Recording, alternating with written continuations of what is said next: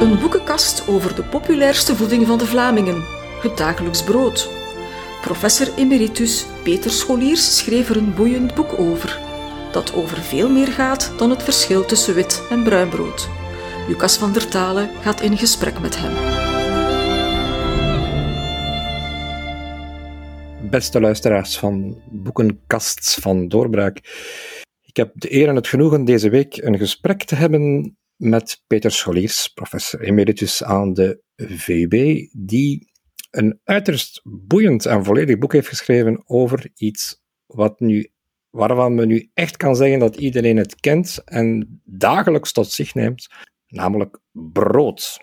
In uw uh, slotwoord van uw boek, meneer Scholiers, uh, zegt u, ja, de geschiedenis van het brood is eigenlijk zo interessant, omdat die geschiedenis zoveel dingen samenvat. Dat je eigenlijk alles over een cultuur, een beschaving, een politiek kunt vertellen aan de hand van brood. Leg dat eens even uit.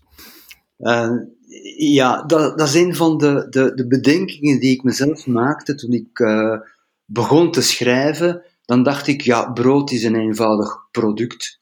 En dan begin je daarover te lezen, ga je naar archieven en bibliotheken en dan merk je dat er allemaal meer lijnen samenkomen. Uiteraard de landbouwlijn, want brood is gemaakt van granen, dus je moet de landbouw uh, bestuderen. De productie, maar ook het transport. Ja, maar dan zit je bij de handel. Dat is weer een andere lijn uh, dan de productie. Die handel uh, wordt georganiseerd door handelaars, binnenland, buitenland, overzees.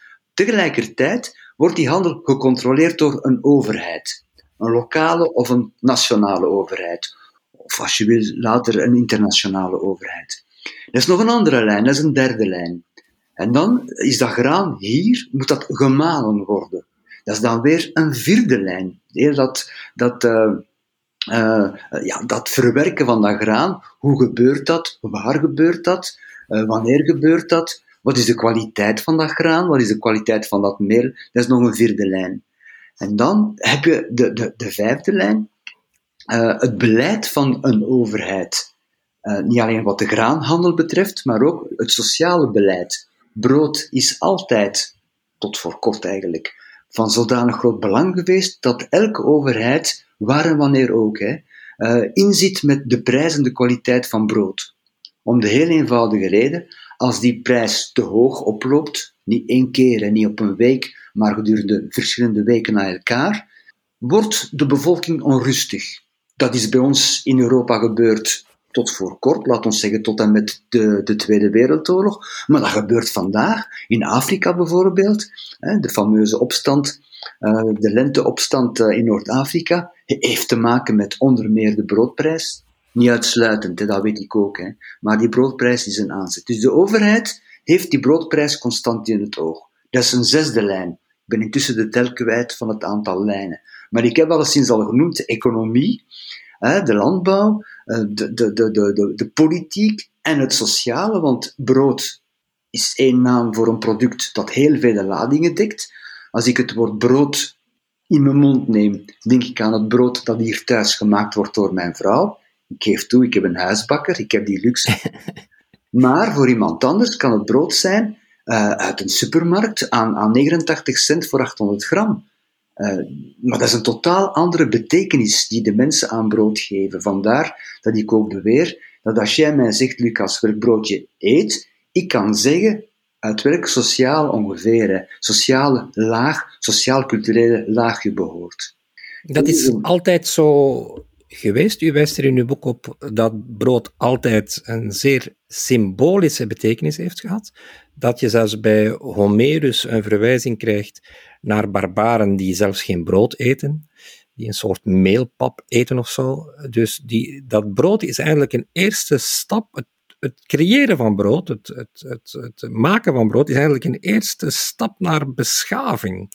Ja, niet meer of niet minder dan dat. Zelfs in die mate uh, dat tot voor kort, ik ga er geen datum op plakken, hè, uh, er beweerd werd dat een volk, een natie, waar het brood ongekend was, dat die natie onbeschaafd was.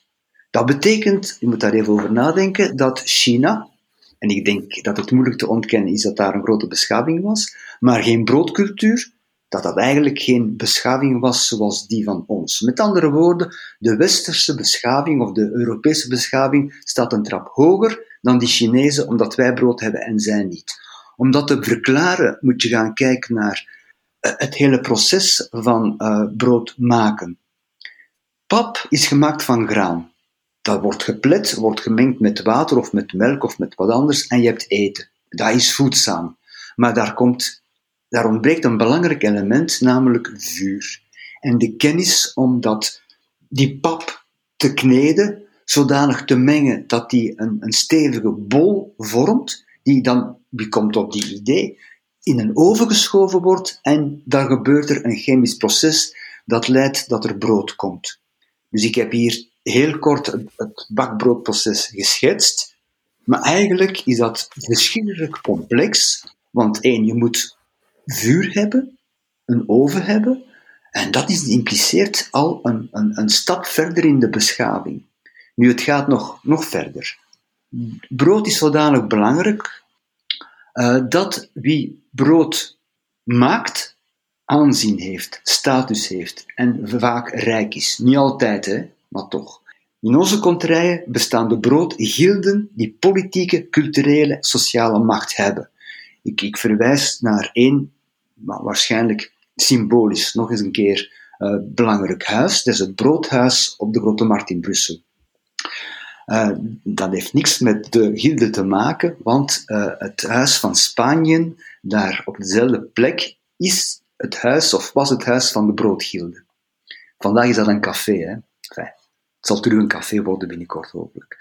Maar uh, dat betekent dat die gilde politieke, culturele, sociale en economische macht had. Samen met de molenaars en, als je dan verder naar, naar de producerende gebieden, met de grootgrondeigenaars die uh, de zittingen hadden waar graan geteeld werd. Dus je hebt onmiddellijk niet alleen een e-, economische band die het belang van uh, graan, molen en brood aantoont, maar tegelijkertijd ook een, culturele, een politieke en een sociale. En even een woord nog over dat culturele. Die mensen, die molenaars, die bakkers, uh, zijn rijk, niet allemaal, maar, dat moet zeggen, toch ja, drie kwart is rijk tot zeer rijk, tot en met de 19e eeuw. En die mensen investeren in goederen, die investeren in kunst, die investeren in architectuur, die investeren in cultuurgoederen die een stad maken, een stad kneden, om een broodmetafoor te gebruiken, tot wat ze is.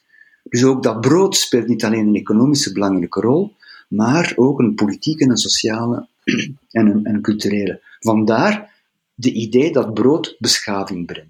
Een staat, een natie, een volk dat geen brood bakt, bij gevolg is minder beschaafd dan de broodbakkende naties. Er is nog een andere belangrijke evolutie. Eenmaal het brood er is, begint dat brood natuurlijk ook te evolueren. Uh, en u schetst ook daar de sociale betekenis van. Er is een, een langzame overgang van het, het roggebrood naar het tarwebrood, waarbij het roggebrood eerder voor de sociaal armeren is en het tarwebrood uh, naar, uh, meer voor de, de meer welgestelden is. En dan is er daar in dat tarwebrood nog een evolutie een merkwaardige evolutie van het, het, ehm, het bruinbrood naar het witbrood en een terugkeer naar uiteindelijk, dan ben ik helemaal in onze tijd aangekomen, naar het bruinbrood. Maar misschien even naar die overgang van rogge naar uh, tarwe. Hoe is dat eigenlijk gegaan? Mm Wel, eh, wat je nu naar verwijst, Lucas, is een, een, een fundamentele kentering, transformatie, revolutie, omwenteling in onze levenswijze. Niet alleen wat voeding betreft, maar hoe we vandaag denken en zijn en leven. Ik ga dat, dat moet natuurlijk uitleggen. Ik ga terug naar de jaren tot 1860. Tot dan, en dan kan je teruggaan in elke eeuw voordien, leven wij in een constant angstige sfeer wat eten betreft. Je bent nooit zeker wat de dag van morgen zal brengen. Is er genoeg te eten of niet? En dat heeft te maken met de onzekere uh, productie van granen. Uh, dat is wat in de Bijbel genoemd wordt de zeven rijke en de zeven arme jaren. En dat is een cyclus die, ja, waar de mensen mee, mee leven die ze gewoon zijn. En dat betekent zeven goede jaren, waar er genoeg eten is, waar er afwisseling is, maar zeven arme jaren waar er honger eerst. En ik ga dat heel concreet maken met een voorbeeld. Als je geboren wordt in het jaar 1800, leef je gemiddeld 40 à 45 jaar naar gelang je man of vrouw bent. Is vandaag het dubbele tussen haakjes. Maar als je 40 jaar leeft en je wordt geboren in 1800, maak je een eerste hongercrisis mee rond 1815, 16, 17. Dus als je een jonge man bent, dat knakt je, je opgroeien. Maak je een tweede crisis mee in de jaren 1840, 35, 36, 47. En nog een derde crisis in de jaren 1853, 56. Dus in jouw leven heb je drie keer periode gekend waar je letterlijk sterft van de honger. Waar je allerlei technieken ontwikkelt die ertoe leiden dat je overleeft. Dat kan zijn, ik steel, want dan word ik opgesloten in de gevangenis. Het kan zijn, ik moet met mijn familie verhuizen naar een goedkopere woning, want daar kunnen we op besparen, enzovoort, enzovoort. Wat doe je dan? Je eet het goedkoopst mogelijke brood. Of de goedkoopst mogelijke voeding. En dat is roggebrood. Dat is grof brood, vandaag, je zou het best kunnen vergelijken met het type zwart Duits brood dat je vandaag nog in sommige winkels kan, kan hebben. Waar wij vandaag van zeggen, oei, dat is toch wel zwaar, dat verteren we moeilijk. Maar dat was het brood voor, laten we zeggen, 70% van de, de, de, Belgen, de Vlamingen, uh, tot ongeveer 1860, 1870. De andere aten mastelijnbrood, dat is een mengeling van tarwe en rogge. En een kleine hoeveelheid mensen, laten we zeggen 20%, eet tarwebrood, dat is de elite. Dat is een, een beeld. En dat tarwebrood kost bijvoorbeeld 40 centime goud, uh, in goudfrank hè, per kilo. Het mastelijnbrood ongeveer uh, eh, 30 en het roggebrood ongeveer 25 centime. Met andere woorden, als je zegt, zeg me welk brood je eet, als ik zeg in 1860 ik eet tarwebrood, dan ben je een rijk iemand. Nu, waar je daarnet naar verwijst, is de revolutie die zich afspeelt eerst in de VS. De Midwest in de jaren 1850-1860 is een hele rijke streek. Bij wijze van spreken volstaat het te zaaien en je hebt een paar maanden later een rijke oogst van graan van een uitstekende bakkwaliteit. Niet uitstekende gezonde kwaliteit, dat doet er even niet toe, het gaat over de bakkwaliteit. Dat graan wordt naar de oostkust gebracht van de VS, naar de havens van de oostkust, vooral New York, en getransporteerd op een stoomboot naar de havens van Europa, onder meer Antwerpen en Amsterdam. Wacht even, ik heb hier twee revoluties genoemd: de transportrevolutie en de landbouwrevolutie. Want dat graan wordt in Amerika niet met, met, met uh, arbeidskracht van mensen bekomen, maar vooral met machines waar ze hier in Europa nog nooit over gehoord hebben. Dat graan is van goede bakkwaliteit en goedkoop en dat overspoelt de Europese markt. En het is tarwe. Het is geen rogge. Nu, ik probeer een goed beeld te vinden om te vergelijken met wat vandaag zich voor zou kunnen doen in, in, in uh, termen van prijs en van product. Dat brood was zodanig van rogge, was zodanig alles overheersend, dat dat heel weinig mogelijkheden liet om andere aankopen te doen, van vlees, van melk uh, of, of van kaas of wat dan ook. Als die prijs begint te dalen van dat roggebrood, zijn er meer mogelijkheden.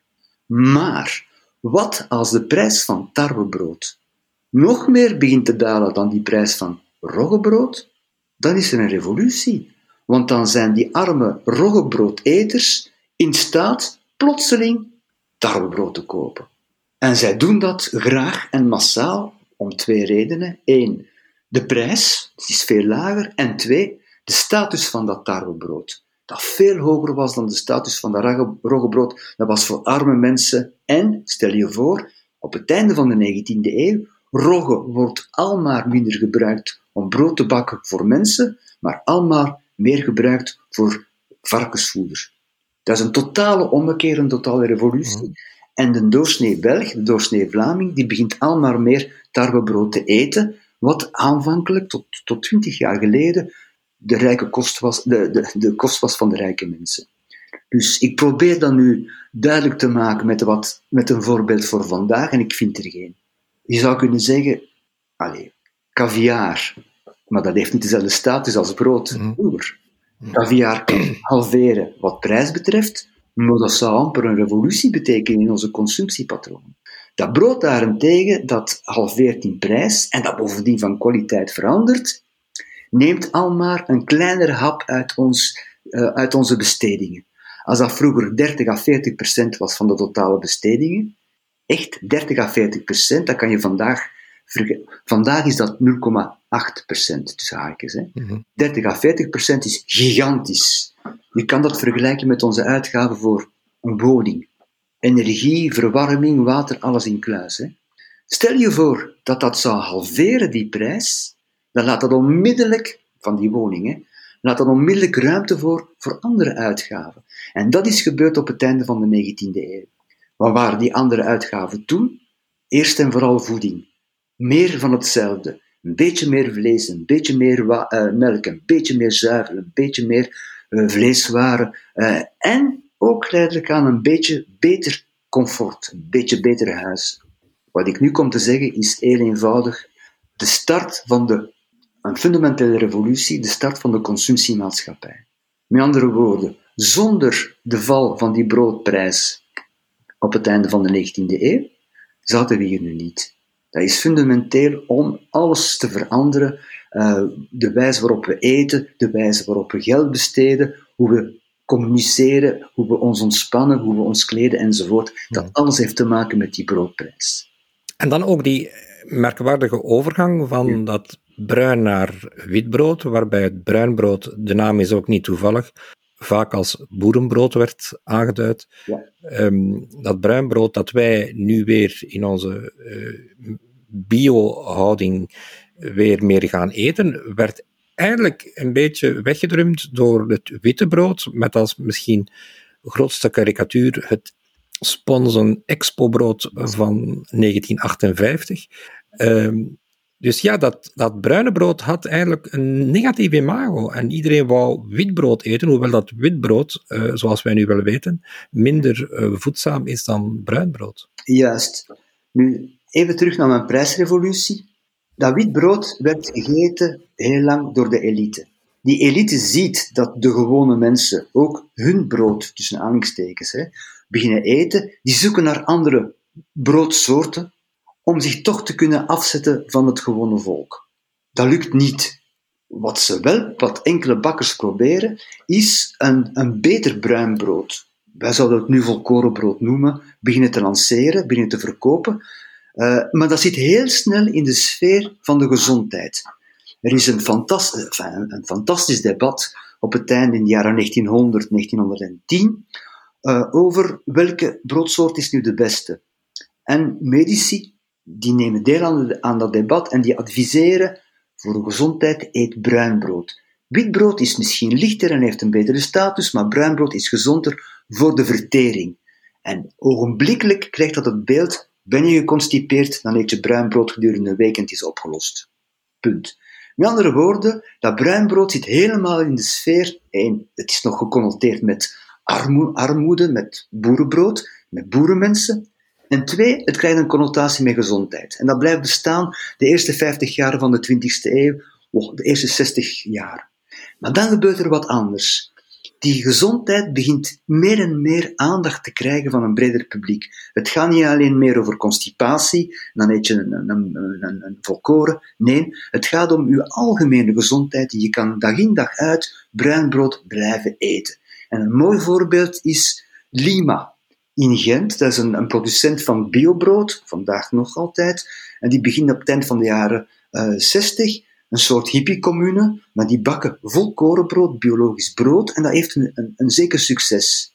Dat zit nog altijd in de sfeer van de gezondheid, maar de gezondheid is intussen, intussen van betekenis veranderd. Dat is de eerste lijn. De tweede lijn is de ontdekking van het gezellig samen zijn, en in mijn, boek noem ik dat de, de, de, het Breugelfeest-fenomeen.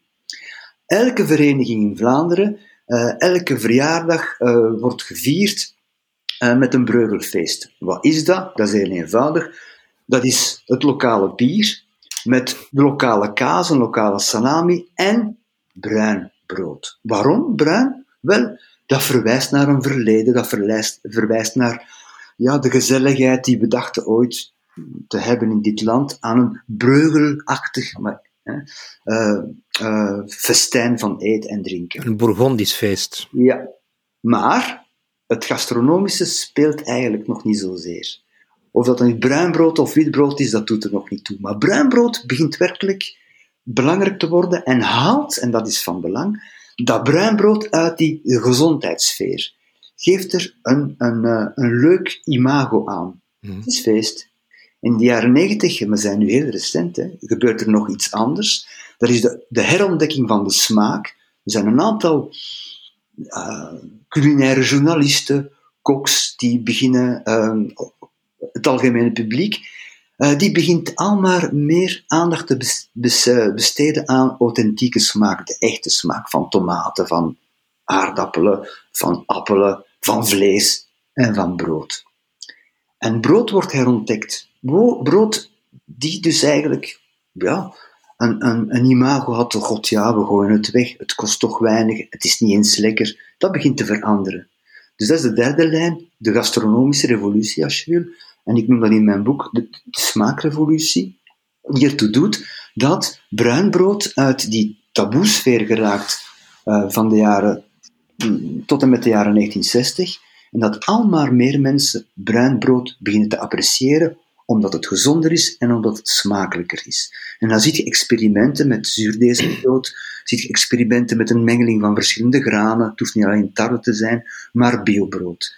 En als je vandaag gaat kijken naar de uitgaven uh, van de, de armen, de, de, de, ik kan het moeilijk de armen met, het, het, het laagste deciel van inkomens, dus de 10% minst rijke mensen in België, dan zie je dat ook daar biobrood begint gegeten te worden, veel meer dan vijf of tien jaar geleden.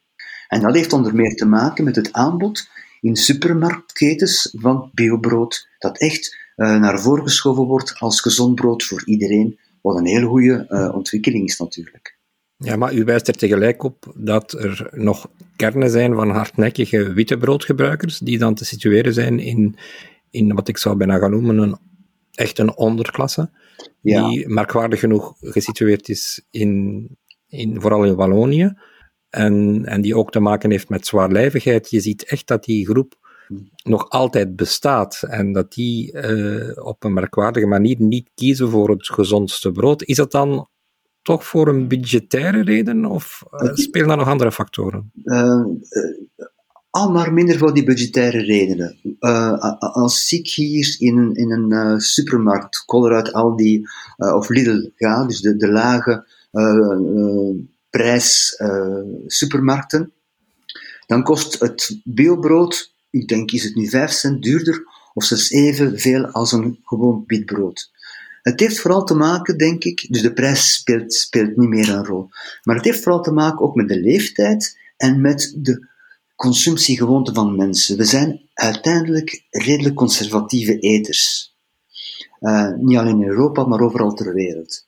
Onderhuids verandert er constant altijd van alles. Hè. Biobrood is daarvan een heel mooi voorbeeld.